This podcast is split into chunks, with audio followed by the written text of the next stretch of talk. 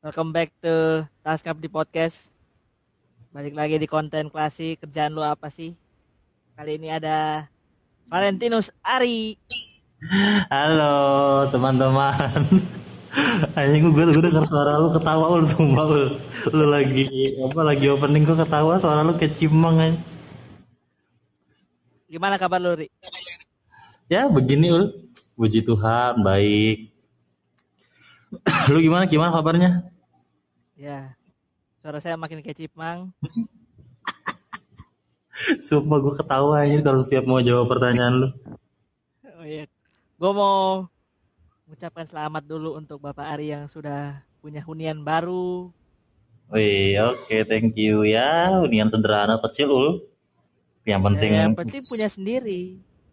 Iya sih. Meskipun masih nyicil ya. Lu udah berkat belum? Belum anjir mas kemarin tuh kemarin tuh sebenarnya gue pengen ngadain pemberkatan cuman satu dan lain hal nanti diundur ketika setelah pernikahan karena adanya pertimbangan lain. Itu Iya, ya. Biar udah ada temannya dulu baru diresmikan Iya. sekalian gitu ya. Ya bisa dibilang gitulah. Sebenarnya faktornya bukan itu juga sih. Tapi ya itu bisa jadi salah satu faktor apa ya pendukung lah. Sebenarnya tuh gue Iya. pengen pengennya tuh kemarin pas seminggu atau dua minggu setelah gue menempati rumah ini tuh gue pemberkatan bareng Tasngap, terus ada Romo gue udah ngundang eh, salah satu Romo gitu loh. Tapi ternyata setelah diskusi juga sama orang sama keluarga sama sama calon mertua eh, ya dikasih opsi dikasih pilihan dengan pertimbangan tertentu ya udah akhirnya setelah nikah aja. Eh, sekarang lu kerja di sebagai guru di Tarki kan berarti? iya ini boleh sebut brand atau gimana sih Boleh. Mau Boleh. maki juga nggak apa-apa. Enggak lah jangan dimaki lah meskipun kesal cuman jangan dimaki lah ya gue kerja sebagai guru di SD Tarakanita di Rawamangun kenapa kenapa Eh, sebelum lu di SD sekarang, lu udah ngajar di mana aja? Gue sebelum di Tarakanita pernah ngajar di Ricci di Lodok di SMP. Tuh, setahun. Eh, yang waktu lu kuliah lu ngajar di mana aja tuh? Kalau kuliah gue magangnya sempat di Santa Maria, Santa Maria Juanda itu waktu itu gue dari SMP terus SMK gue magang di tempat yang sama gitu. Jadi SMP dan SMK gue magang di Santa Maria Juanda. Oke. Eh, kalau gitu gue mau flashback dulu. Lu emang dari dulu cita-citanya udah mau jadi guru apa gimana? Enggak, enggak terpikirkan buat jadi guru. Jadi guru adalah jalan keterpaksaan sebenarnya. Karena awalnya memang pengennya kuliah di bidang eh, ilmu ilmu apa ilmu il- IPA IPA entah itu geologi ataupun sejenisnya lah. Tapi karena saya sadar nilai saya itu eh, nyusruk ya nilai nilai eksaknya nyusruk. Ya akhirnya eh sempat nganggur setahun tuh. Dan akhirnya 2014 nyoba untuk kuliah karena ada tawaran beasiswa di sebuah universitas gitu. Ya udah gue ambil. Dan akhirnya gue ber ber apa ya kuliah di jurusan yang sebenarnya gue nggak pengen masuk situ tapi karena alasan beasiswa dan karena gue alasan ingin kuliah ya gue ambil itu beasiswa dan program studi yang gue pilih gitu Hmm. Lu sebelumnya SBMPTN berarti? iya sebelumnya SBMPTN terus SNMPTN tapi gue nggak nggak masuk di dua jalur tersebut terus gue pakai jalur gue pengen sebenarnya pengen nyoba jalur mandiri cuman ah kayaknya gue udah tahu kapasitas diri gue kayaknya nggak mumpuni di di bidang eksak deh akhirnya ya udah dari situ mencoba peruntungan di dunia kerja ya kira sampai tahun depan kuliah gitu. Lu mau share nggak? Lu waktu setahun itu lu ngapain aja? waktu gua setahun itu sebenarnya banyak banget kejadian karena eh, ya secara finansial kami bukan gue bukan berasal dari keluarga yang cukup berada ya yang bisa di, yang bisa kuliah di mana pun itu ya jadi dari 2013 itu gue eh, apa tuh cari-cari kerja gue pernah kerja di pabrik susu tuh nah Ya. tau gak sih waktu itu 2013 tuh ada iklan ik- Iklan apa? apa?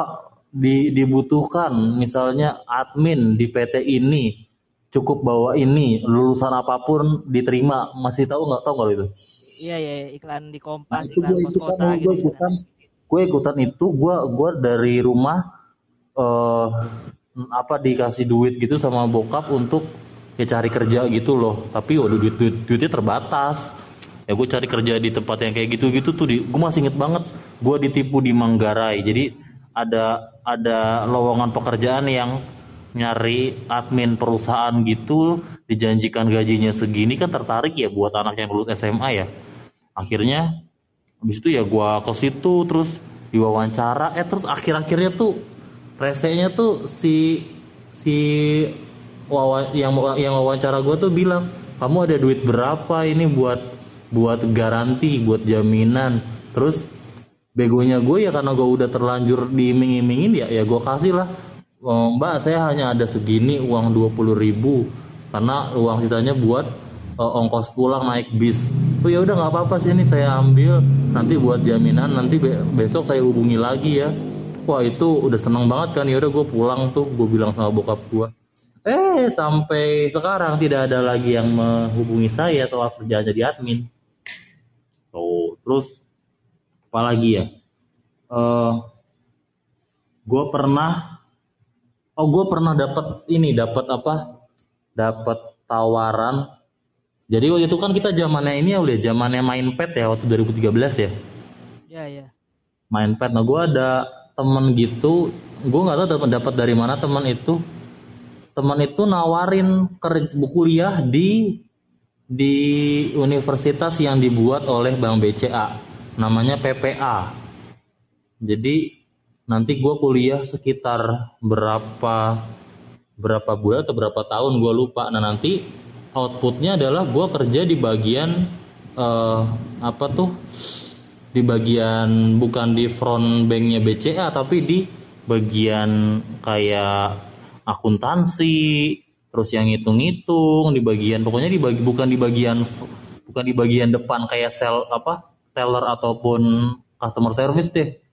Nah, gue disuruh ngelamar tuh bikin surat apa surat permohonan karena ada beasiswa. Jadi kuliah di situ tuh gratis dan dapat uang uang apa tuh dapat uang saku per tiga bulan berapa gitu. Gue tertarik lah ya orang gue juga Iya. mau apa nggak mau kuliah tapi bayar kan karena keadaan ekonomi nggak memungkinkan. Terus udah gue tulis tulis lamaran terus udah gue dibantu sama si teman gue ini. Eh pas gue tes gitu tes gitu di Sleepy eh gue nggak lolos ya udah. Dari situ mulai cari lagi apa apa sih peluang-peluang yang mungkin bisa gue dapatkan selama gue nunggu setahun nggak kuliah itu dan hasilnya tidak ada hasil gitu loh Hmm. gitu Selama lu satu tahun itu apa sih yang pelajaran lu dapat? maksudnya pelajaran tuh apa Eh, Pelajaran hidup lu sama setahun itu. selama pengke pengalaman pe- pe- pe- pe- dari pengalaman itu apa yang bisa gue ambil gitu ya Iya. Pelajaran apa yang lu dapat? Yang bisa gue ambil adalah eh apa ya? Dalam setahun itu yang bisa gue ambil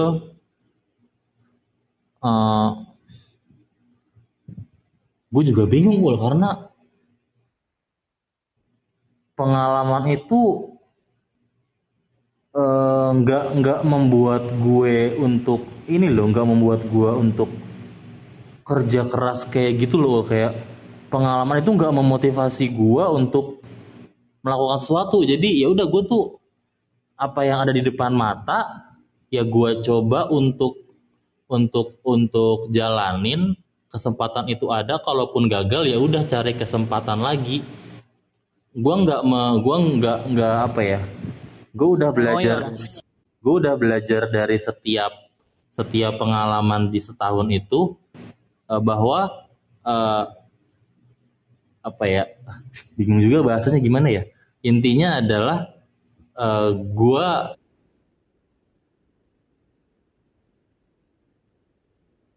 itu kalau baik gue ambil jadi uh, kesempatan apa pun yang sifatnya buat gue itu menghasilkan buat gue ya gue ambil. Kalaupun gagal, jangan kelamaan untuk apa ya, untuk menyesal. Jadi ambil langkah baru buat lihat peluang yang baru, ambil peluang yang baru. Ya, ya. Uh, balik lagi soal lu yang sekarang jadi guru lu menikmati nggak pekerjaan lu sekarang? Kalau dibilang menikmati sekarang ya puji Tuhan sih sudah menikmati. Tapi di awal-awal itu memang proses ya untuk menikmati sebagai seorang guru awal-awal terjun sebagai guru itu memang proses karena ya emang nggak ada mimpi, nggak ada cita-cita menjadi seorang guru ya karena berdasarkan kepribadian, sifat dan sikap gue. Ya, ya. Ya itulah belajar dari pengalaman, belajar dari orang-orang di sekitar. Ya. Dengan segala tantangannya, dengan segala uh, suka duka, dengan segala apa yang terjadi selama di sekolah itu coba lu jelasin deh uh, tantangan apa aja sih yang lu hadapin waktu lu awal-awal jadi guru dari lu magang tantangannya kalau awal-awal itu kan gue pertama kali menjadi seorang guru wannabe itu kan ketika magang ya magang di sebuah SM di, di suatu sekolah SMP Santa Maria tadi gue bilang. Ya. Jujur aja waktu itu emang secara akademis memang uh, apa ya nilai-nilai gue itu cukup baik lah secara akademis. Tapi ketika di diminta untuk tampil mengajar agama Katolik untuk SMP, oh itu jadi sebuah tantangan yang amat-amat sangat sulit. Apalagi gue dulu magangnya itu di sebuah sekolah Katolik di mana sekolah kepala sekolahnya itu suster. Wah anjir gue jadi jadi apa ya? Jadi sebuah tantangan yang menurut gue waktu itu gila ini gue nggak nyangka banget di tahap seperti ini. Gue yang berandal yang nakal kok bisa tiba-tiba jadi guru. Gue guru agama lagi gila. Orang bapak gue aja gak nyangka nyokap gue aja gak nyangka gitu loh. Kamu jadi seorang guru ya kamu kan lebih bandel nakal. Ya mau gimana ya? Gue juga nggak tahu. Ya akhirnya tantangan yang pertama adalah ya gimana gue bisa mentransfer pengetahuan tentang agama ke mereka gitu loh. Karena gue belum belum ya maksudnya belum pernah belum pernah sama sekali mengajar. Keluarga gua nggak ada basic yang menjadi seorang guru. Jadinya bener-bener buta dan dari awal ya dilepas begitu aja sama dosen sama siapa pun itu. Dan gue merasakan banget itu deg-degannya keringat dinginnya gemeternya ketika udah masuk pintu sekolah masuk pintu kelas. Wah gila itu bener-bener hebat banget itu gemeter. Rasa rasa takut yang bener-bener rasa takut gitu loh. Sampai gue sampai gue bilang sama sama dosen gue bu saya boleh ini gak sih bu? Boleh minta undur jadwalnya. Uh, karena apa jujur waktu itu Bo gue bohong, bu, sekolah sakit bu, boleh minta undur nggak jadwalnya? Padahal aslinya emang gue takut aja. Sampai ada di pikiran gue, gue nggak mau nih ngajar, gue bisa, gue berhenti aja deh, ada kuliah di sini lah. Udah, gue nggak usah ngajar kayak gitu lagi. Tapi akhirnya gue nggak tahu nggak tahu dari mana ada kekuatan gitu loh, ada ada kekuatan entah dari mana yang tiba-tiba ya dari maju aja ri lu kan nggak nggak tahu kan gimana rasanya sebelum lu mencoba lu hanya berekspektasi bahwa ini akan sulit, bahwa ini akan uh, tidak mudah buat lu. Tapi kan lu udah buat persiapan yang matang dan dosen lu pun sudah menyetujui itu. Jadi harusnya aman. Ya, akhirnya terjadilah itu proses belajar mengajar gue sebagai seorang guru pertama kali dan rasanya itu wah luar biasa nggak bisa di nggak bisa di apa ya nggak bisa diungkapkan dengan apa pun deh. Gue sampai sampai rumah itu pokoknya dari habis pertama kali ngajar habis itu balik ke kuliah sampai rumah itu masih ada rasa deg-degannya padahal udah selesai. Nah itu pengalaman pertama itu tantangan yang pertama ya. Karena mentransfer pengetahuan agama ke ke anak-anak SMP itu bukan sebuah hal yang mudah buat gue waktu itu. Cuman ya ya gue belajar untuk bisa melakukan itu gitu. Itu sih yang paling yang paling gue rasain ul tantangan pertamanya ul. Berarti lebih ke pressure dari diri sendiri ya? Iya dari internal pasti. Tapi secara lingkungan tempat magang lo gimana? Misalkan guru-guru lain murid-muridnya itu support nggak dengan lu di situ kalau dari lingkungan luar pasti support karena ya kami sudah berkomunikasi dengan baik sebelum hari magang terjadi. Ada ada observasi ada ada apa ya ada komunikasi. Jadi semuanya itu berlangsung baik. Tapi ya pressure itu datang dari internal gue dari diri gue sendiri. Ketidakpercayaan diri gue. Terus uh, ketakutan gue bahwa gue nggak bisa mentransfer pengetahuan dengan baik. Nah itu di situ. Tapi secara faktor lingkungan sekolah itu sangat-sangat mendukung. Ya ya tapi di ending magang lu itu kesannya baik berarti buat lu ya? Atau gimana? Kesannya sangat baik karena gue banyak belajar dari situ. Bagaimana belajar untuk tampil percaya diri terus untuk belajar berbicara di depan murid-murid yang mana waktu itu umur gue dengan mereka tidak beda jauh. Mereka kelas 9, usianya 15 tahun. Gue 23 waktu itu. Eh, enggak, 20, 21 gue. Jadi bedanya 6 tahun. Jadi gap itu yang apa ya yang yang membuat salah satu itu juga salah satu faktor yang agak tantangan juga sih gap usia yang terlalu dekat gitu loh. Jadi kayak anak-anak gue takut anak-anak nanti kayak mendiskreditkan gue meremehkan gue karena mungkin usia gue tidak terpaut jauh. Tapi itu nggak terjadi sih. Jadi sebenarnya uh, kesannya sangat-sangat baik dan itu menjadi menjadi apa ya menjadi titik tolak gue. Ya gue harus belajar banyak sih karena gue nanti ditempatkan bukan hanya di SMP doang bisa jadi nanti gue ditempatkan atau bela, uh, sekolah apa ngajar di SD, TK atau bahkan SMK atau mungkin ke orang-orang dewasa di gereja. Nah maka dari situ gue untuk dari situ gue berniat ya memperbaiki tingkat kepercayaan diri, memperbaiki kualitas gue untuk berbicara di depan orang dan banyak lagi itu. Hmm, ya, ya. Kan lu udah ngajar di SD, SMP, SMA belum deh? SMK waktu itu udah waktu di magang. Oh ya. Dari SD, SMP, SMK. Coba lu jelasin deh, maksudnya positif negatif uh, ngajar di SD apa, ngajar di SMP apa, ngajar di SMK gimana? Gak kedengeran lu suara ul, diulang ul, gak kedengeran suara ul. Uh, coba, sorry sorry, coba lu jelasin positif negatifnya deh ngajar di SD gimana ngajar di SMP gimana ngajar di SMK gimana oh iya panjang-panjang sih uh, eh, gue sih mungkin gue ganti kali ya bukan positif negatif tapi tantangan sama peluang deh biar lebih Iya, positif. Kalau di SD, gua kan ngajar kelas rendah 1 2 3. Tantangannya adalah gue harus bisa menyamakan dengan bahasa mereka. Jadi banyak kata-kata yang apa ya yang yang sulit untuk dipahami oleh mereka dan gue harus mencari padanan katanya. Jadi istilahnya gue harus masuk ke dalam dunia anak deh. Yang mana itu sebuah tantangan buat gue. Tuh itu kalau kalau ngajar SD itu menyamakan bahasa, menyamakan pola pikir.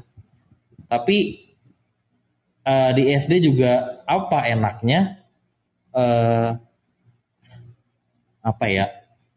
Gue lebih gue gue gue melihat banyak kepolosan dari mereka anak-anak kelas 1 2 3 kan kayak masih piik-piik ya, masih lucu gitu loh.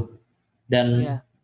dan ya kesannya gue kayak semacam bapak gitu loh yang selalu ngedenger mereka cerita pak aku ada ini ada hari ini ada ini gitu oh ya jadi seakan-akan gue bisa menjadi seorang menjadi figur seorang bapak lah buat mereka. Dan itu gue dapatkan di SD gitu. Ya- ya- yang kepikiran itu dulu sih. Kalau SMP tantangannya adalah nah tadi usia. Usia dan usia yang tidak terlalu jauh.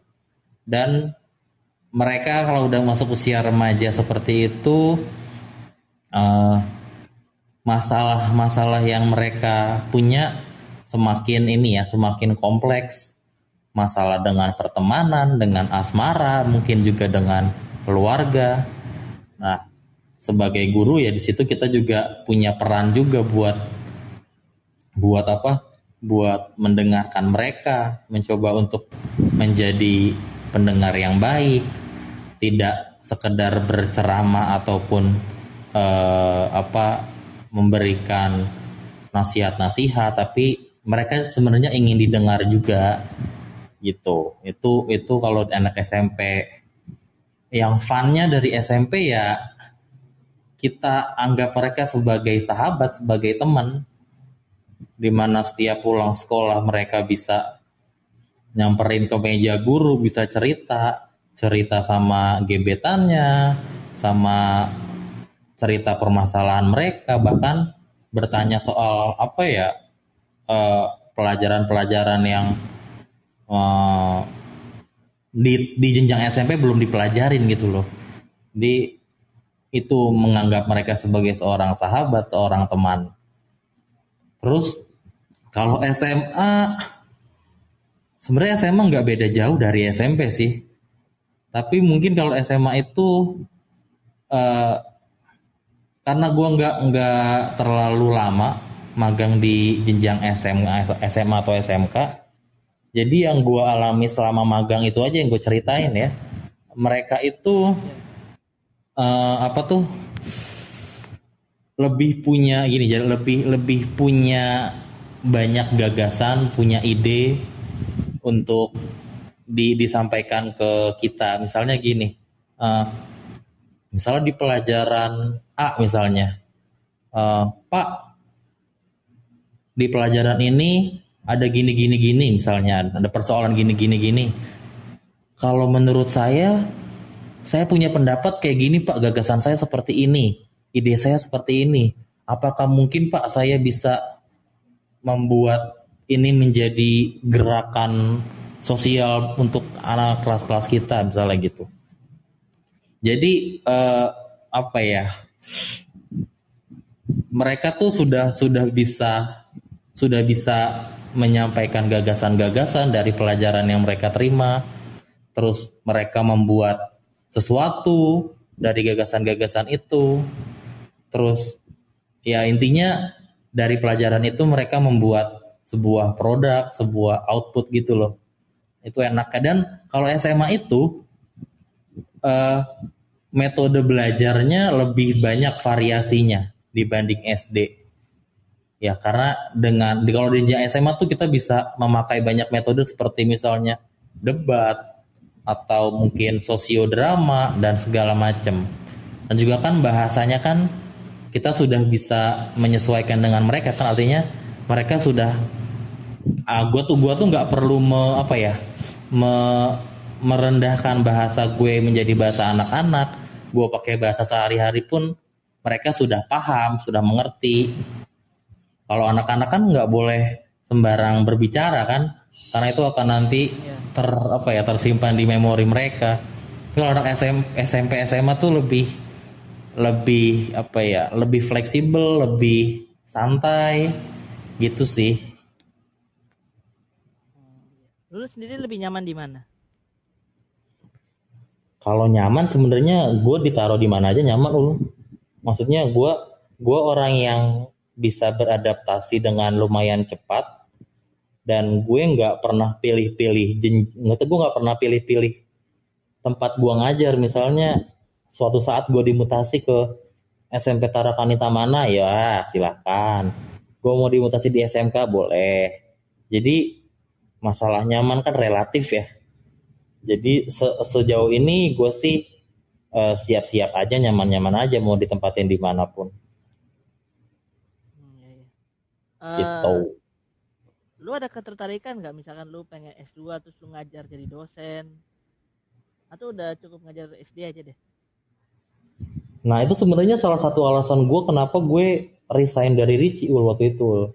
Ya, karena gue pengen meneruskan S2 kan. Tapi ya karena satu dan lain hal akhirnya tidak jadi. Terus itu udah frustasi tuh anjir. Tahu gitu gue di Ricci aja ya. Ngapain gue? Eh ya dulu kan waktu kan disuruh sama kepala sekolahnya milih. Pak Ari mau nerusin S2 atau tekan kontrak baru di sini. Karena nggak boleh overlapping, takutnya nanti tidak fokus di salah satunya. Ya udahlah, gua ini aja lah, gua pilih aja lah kuliah. Karena ya karenanya ada yang mau membiayai waktu itu. Ya sudah, gue dengan PD-nya, dengan percaya dirinya ya sudah, gua ambil tuh jalan itu. Kira gue resign. Eh ternyata tidak jalan itu tidak bisa tidak tidak terlaksana nggak bisa kuliah lanjut ke Jogja ya udah dari situ akhirnya gue ngelamar di Tarakanita gitu. Iya iya. Tapi lu masih ada keinginan untuk S2 keinginan.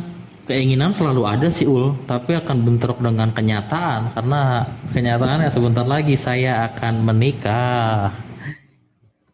Jadinya sulit untuk untuk apa lanjut kuliah.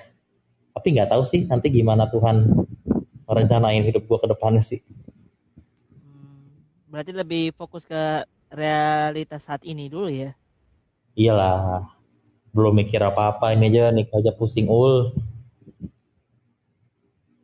Eh, balik lagi ke tadi yang selalu ketertarikan di ilmu IPA Ah. eh lu mempelajari nggak di luar lu misalkan di luar lu kerja lu masih baca buku soal biologi atau gimana? Oh iya iya iya. Gue gue eh, selama selam dari dari dari awal kuliah pun gue sebenarnya masih rela nggak rela untuk kuliah di situ. Bahkan gue sempat bilang sama bokap gue pak aku mau keluar aja dari eh, dari teologi waktu itu namanya teologi. Kenapa ri? Kan kamu yang milih jalan itu. Kamu nggak boleh ini nggak boleh nggak boleh apa berhenti di tengah jalan. Padahal nilai kamu bagus loh. Ya nggak kuat aja. Karena ya emang bukan passionnya bukan jalan gue di situ. Eh, di satu sisi gue nggak suka sama kuliahnya tapi di satu sisi gue juga sebenarnya nggak terlalu pinter juga di IPA di eksak tapi gue suka. Nah itu gimana tuh? Orang gue setiap malam selalu lihat video-video eh science segala macem terus belajar integral diferensial segala macem terus bikin apa eh, belajar aljabar segala macem. Yang nggak kepake juga padahal gitu loh. Bingung juga loh Hmm. tapi lu masih belajar nggak? Maksudnya ya maksudnya iseng-iseng lu buka buku atau lu nonton video lagi? Iya, ini sampai saat ini Ul, udah dari 2013 2014 sampai saat ini selalu gue gue lihat apa ya itu tentang biologi tentang uh, ya bagaimana bumi pokoknya pelajaran-pelajaran apa pertanyaan-pertanyaan sederhana tapi nggak terpikir di otak gue itu selalu gue tonton selalu gue pelajarin lewat YouTube lewat apa kadang juga buka Google Scholar buat lihat-lihat jurnal segala macem terus lihat-lihat apa uh, gue kan ada beberapa buku yang sifatnya ilmiah ya.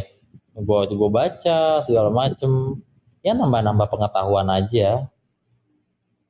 Terus ya gue kan juga secara matematis secara matematik kan gue bisa dibilang ya lumayan lah. Gue hitung-hitungan kali kalian juga gue pede lah sama kalian. Gue hitung-hitungan perkalian tanpa kalkulator ya gue bisa diadu lah gitu loh. Jadi ada alasan kenapa sebenarnya gue lebih suka sesuatu yang eksak daripada sesuatu yang sifatnya mengawang-awang seperti teologi gitu seperti ketuhanan gitu loh. Iya iya.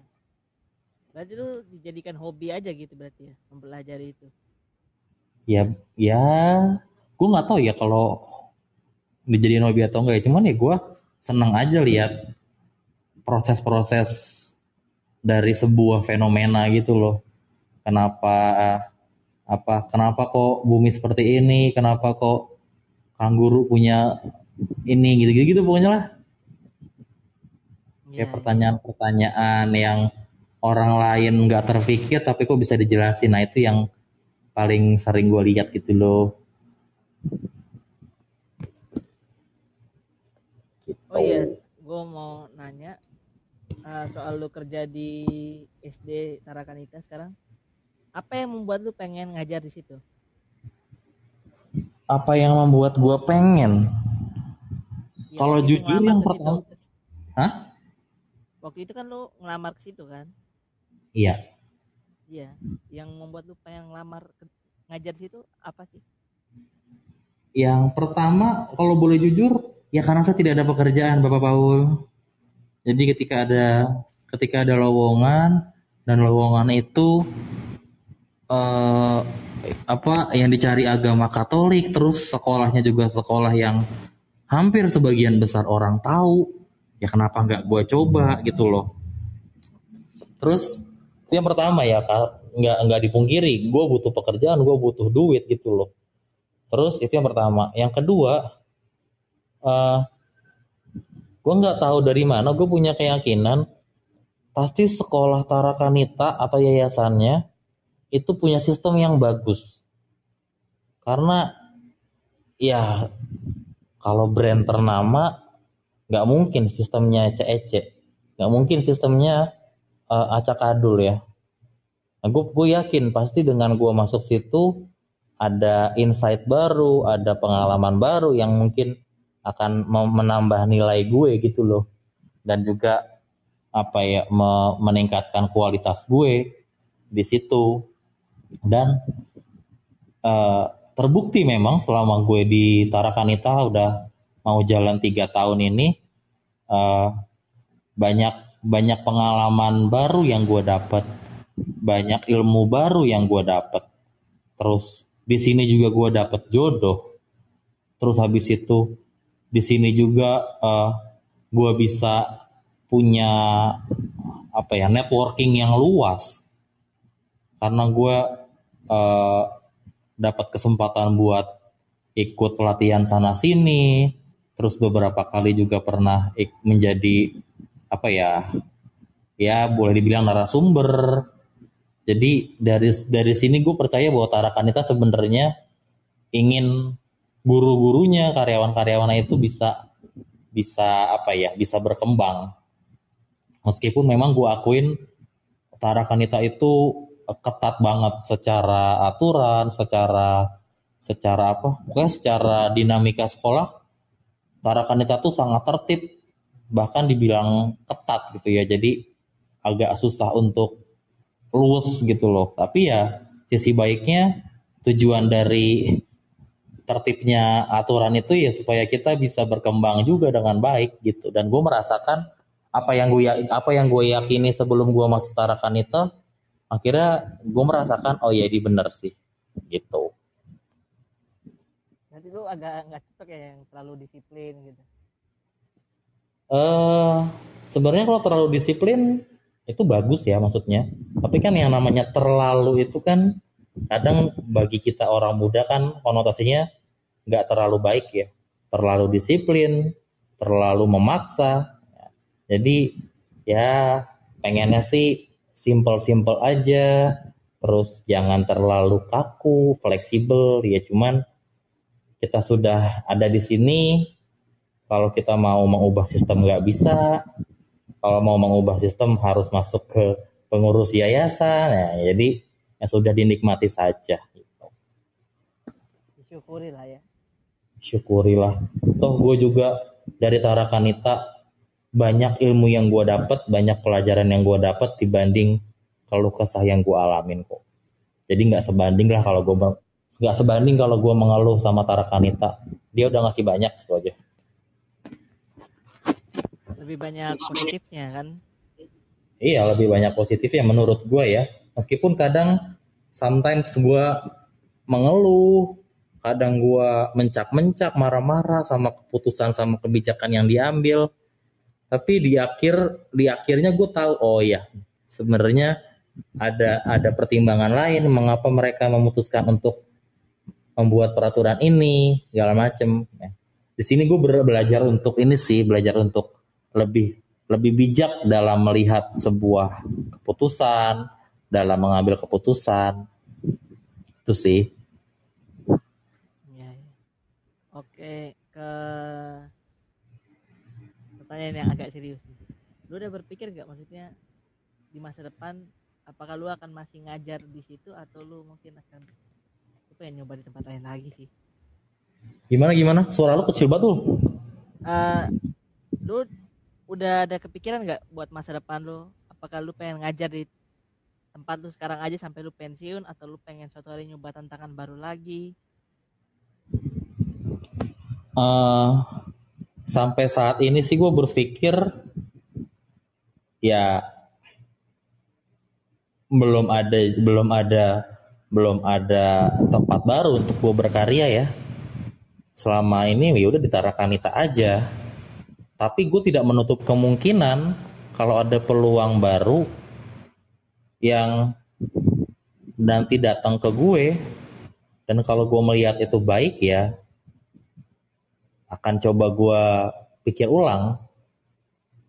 Karena apa ya oh, gue beberapa kali udah ingin mencoba untuk eh, kerja jadi PNS guru agama. Terus gue melihat lowongan-lowongannya.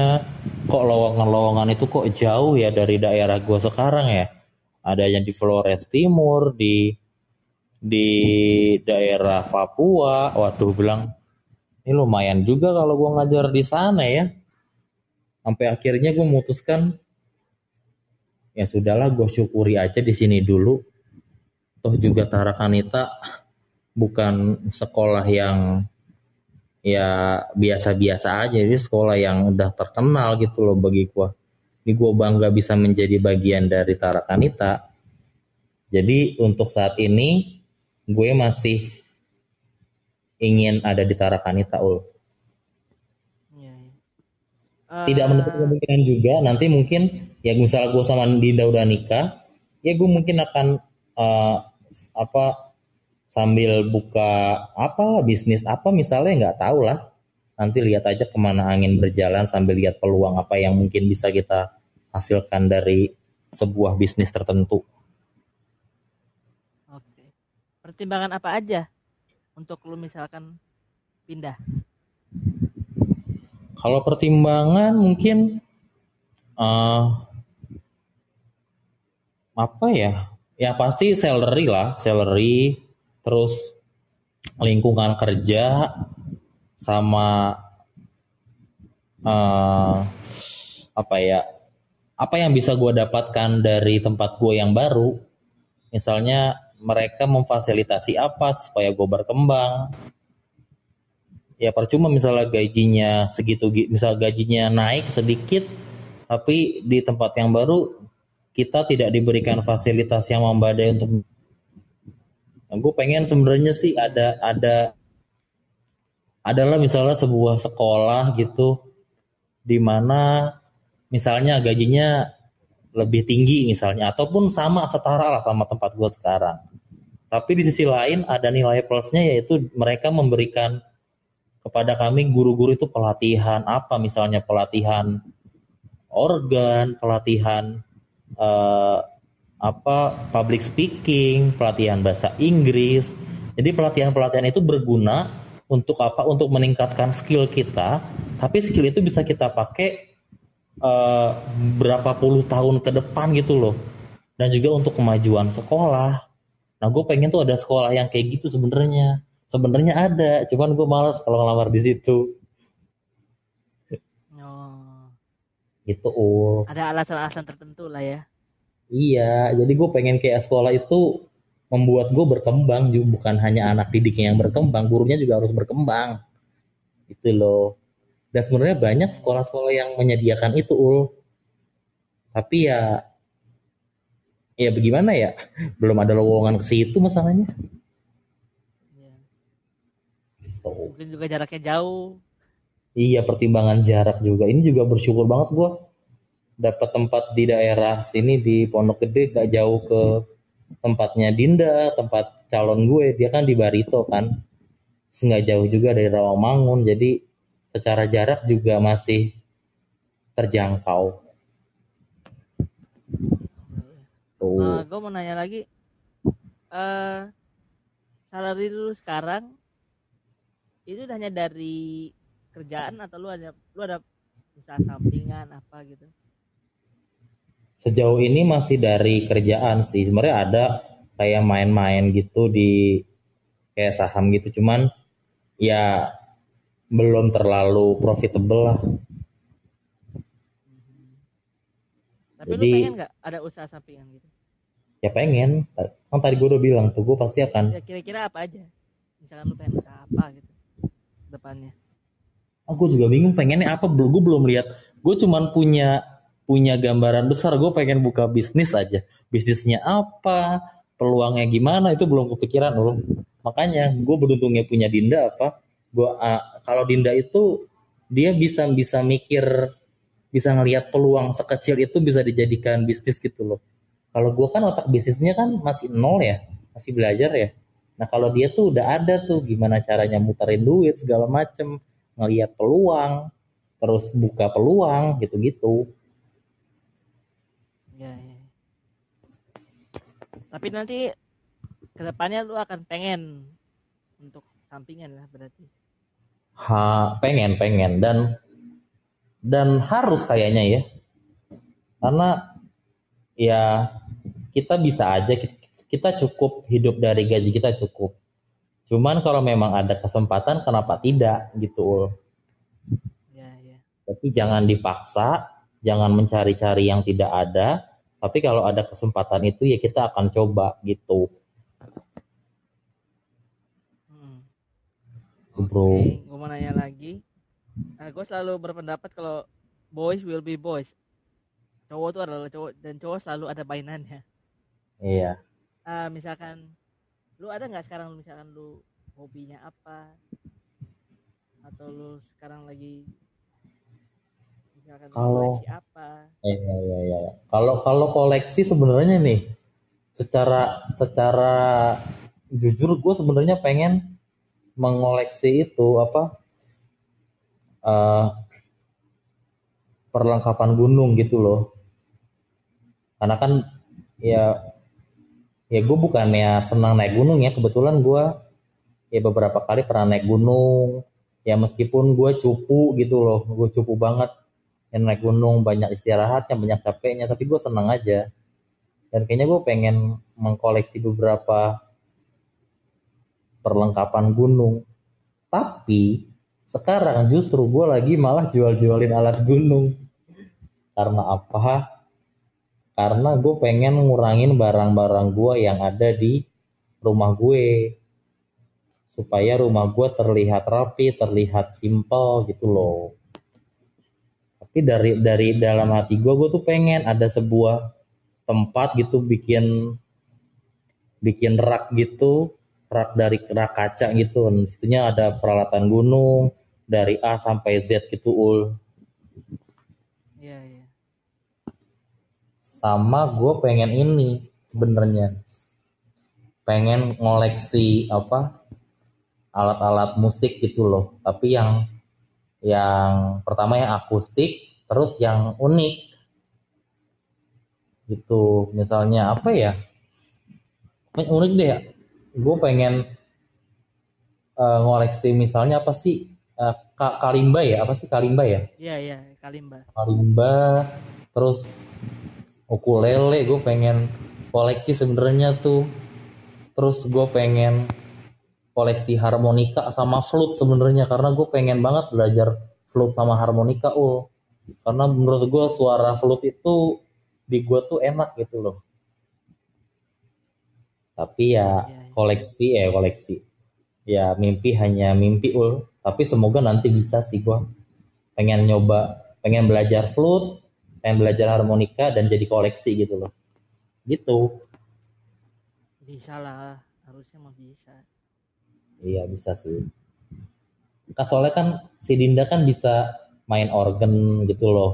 Karena dia dulu organis di gereja kan. Jadi ya mungkin kita bisa duet. Karena kalau main gitar doang kan ya biasa. Gue pengen belajar sesuatu yang belum gue apa ya belum gue pelajarin kayak main flute itu gue pengen banget sama harmonika gitu. Duet gitu duet. Hmm.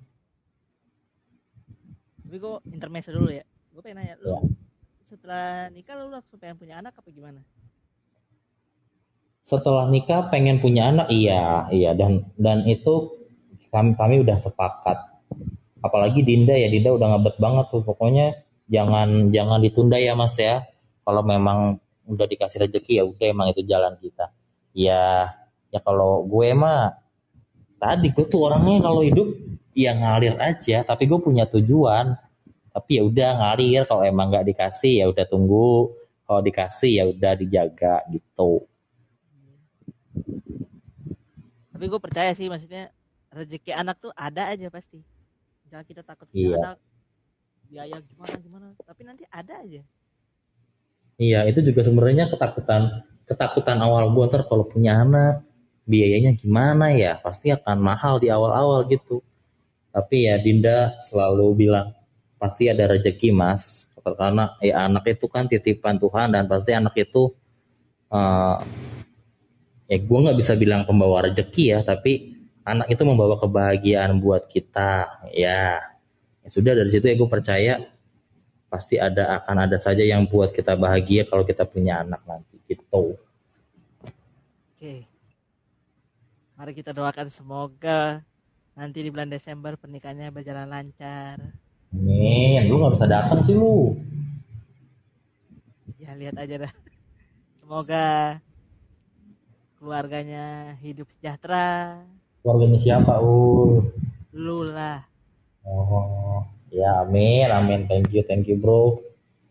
Tapi lu gua gua tuh aneh ini ini ya? ini ini ini ini terakhir nih. Gua nggak tahu terakhir atau enggak anehnya gua adalah gua tuh tidak pernah merasa deg-degan merasa panik gitu loh. Ini udah dua udah hamin dua bulan.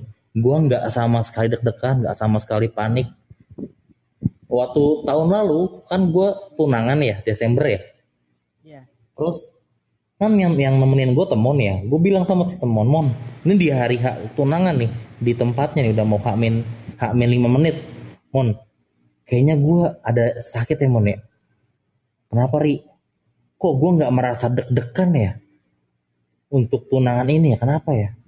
Aduh, tahu lu coba ini aja, lu coba tanya sama diri lu. Sampai sekarang gue belum pernah merasa deg-degan. Kenapa ya Ul ya? mungkin lu yakin dengan pilihan lu ini. Ya iya sih, yakin lah pasti. Cuman maksudnya orang-orang yang udah yakin pun ada aja nervousnya, groginya, paniknya, dekat. Gua sama sekali nggak ada ul sumpah. Nah itu dia tuh.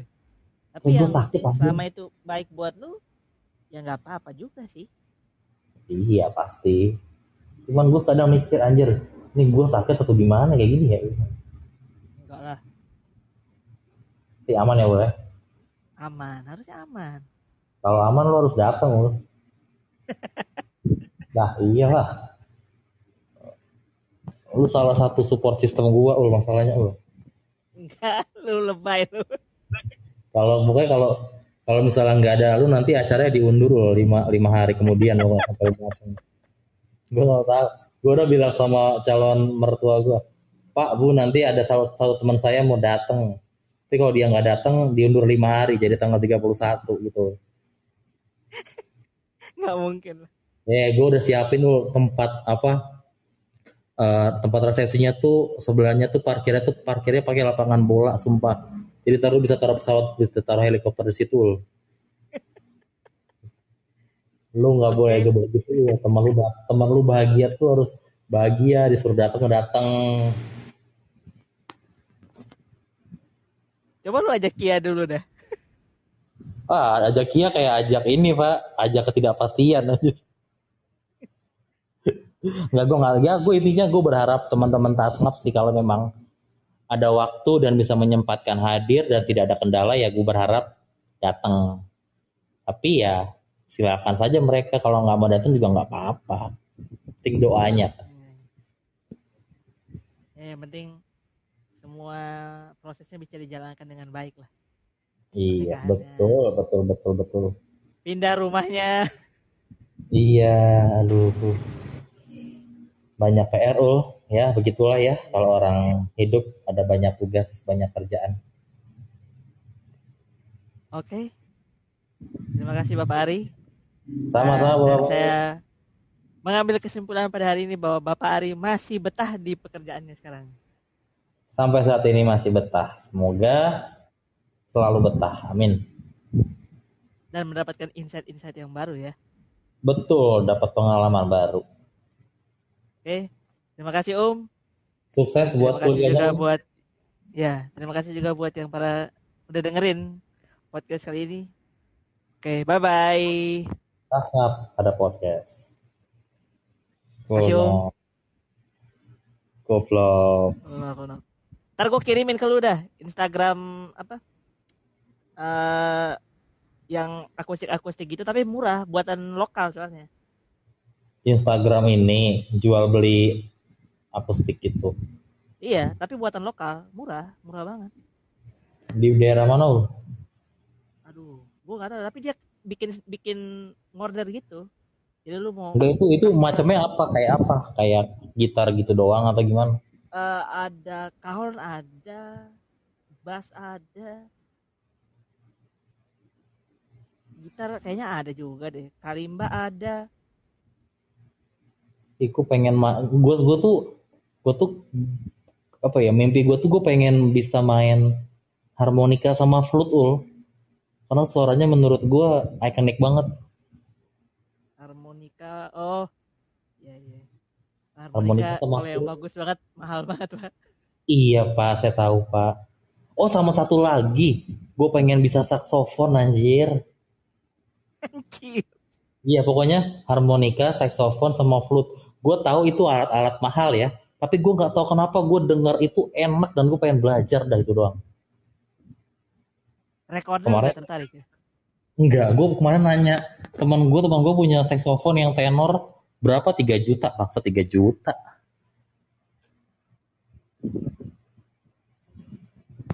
Bro. gue kasih dah yang kahon itu nggak nyampe sejuta kok. Eh jangan kahon Udah. kahon udah biasa ul ya pokoknya alat-alat akustik gitu lah murah-murah. Nggak hanya kahon doang. Bisa lu custom custom lu mau gambarnya apa bisa. Iya ntar gue pengennya tuh ntar alat-alat itu gue taruh di mana? Di dekat ruang apa tuh ruang TV gitu loh. Jadi kan kalau ruang rumah gue kan ruangnya open space ya ul ya? Jadi nggak ada sekat gitu kan. Ntar gue pengen taruh di situ tuh alat-alat musiknya tuh. Supaya nanti bisa misalnya mau nge apa eh, akustik bareng bisa langsung di situ. Enak jadi seru gitu loh menurut gue ya oh. Bisa lah. Iyalah ya nanti kapan nggak tahu gue punya. Yang penting gue bermimpi dulu. Itu ul. Oke om. Terima kasih om. Thank you ya. Sukses buat kuliah lu. Terima kasih juga om. Udah udah udah saya udah sehat kan? Udah sehat kan udah udah. Udah oke om gue udah nggak ngos-ngosan lagi lah. Ya makanya bisa tanggal 26 lah ke Magelang si anjing malah ketawa. Gue bilang beneran lu. Ya gue nggak mau janji tapi sebenarnya gue pengen tapi gue nggak mau janji. Itu dia. Oh ya yang penting ada keinginan. Ntar gue tunggu gue siapin landasannya. gue nggak mungkin lu tes di Natal Kak Ul nggak ada Bukan. universitas kayak gitu. Misalkan nih gue UTS itu pas tanggal 2 pak kan saya nikah tanggal 26 bapak. Pak tanggal 2 itu kumpul tugas ya pak biasanya. 26 itu Ya, ya. kerjain sama libur itu. Ya ya udahlah. apa pun yang nanti terjadi mau datang enggak yang penting minta dukungan sama doanya aja. Ya ya pasti saya doakan om. Jangan lupa do- doain Diktus supaya jodohnya tuh 30 tahun depan bro buset deh. Kasihan pak gue nggak mau dia jadi gue nggak mau dia jadi tuna asmara pak kasihan cuy. Gitu ul ya. Thank you. Yo thank you. Sukses bro buat kuliahnya. Yo. yo. Ini bisa gue encet kan? Ya ya. Boker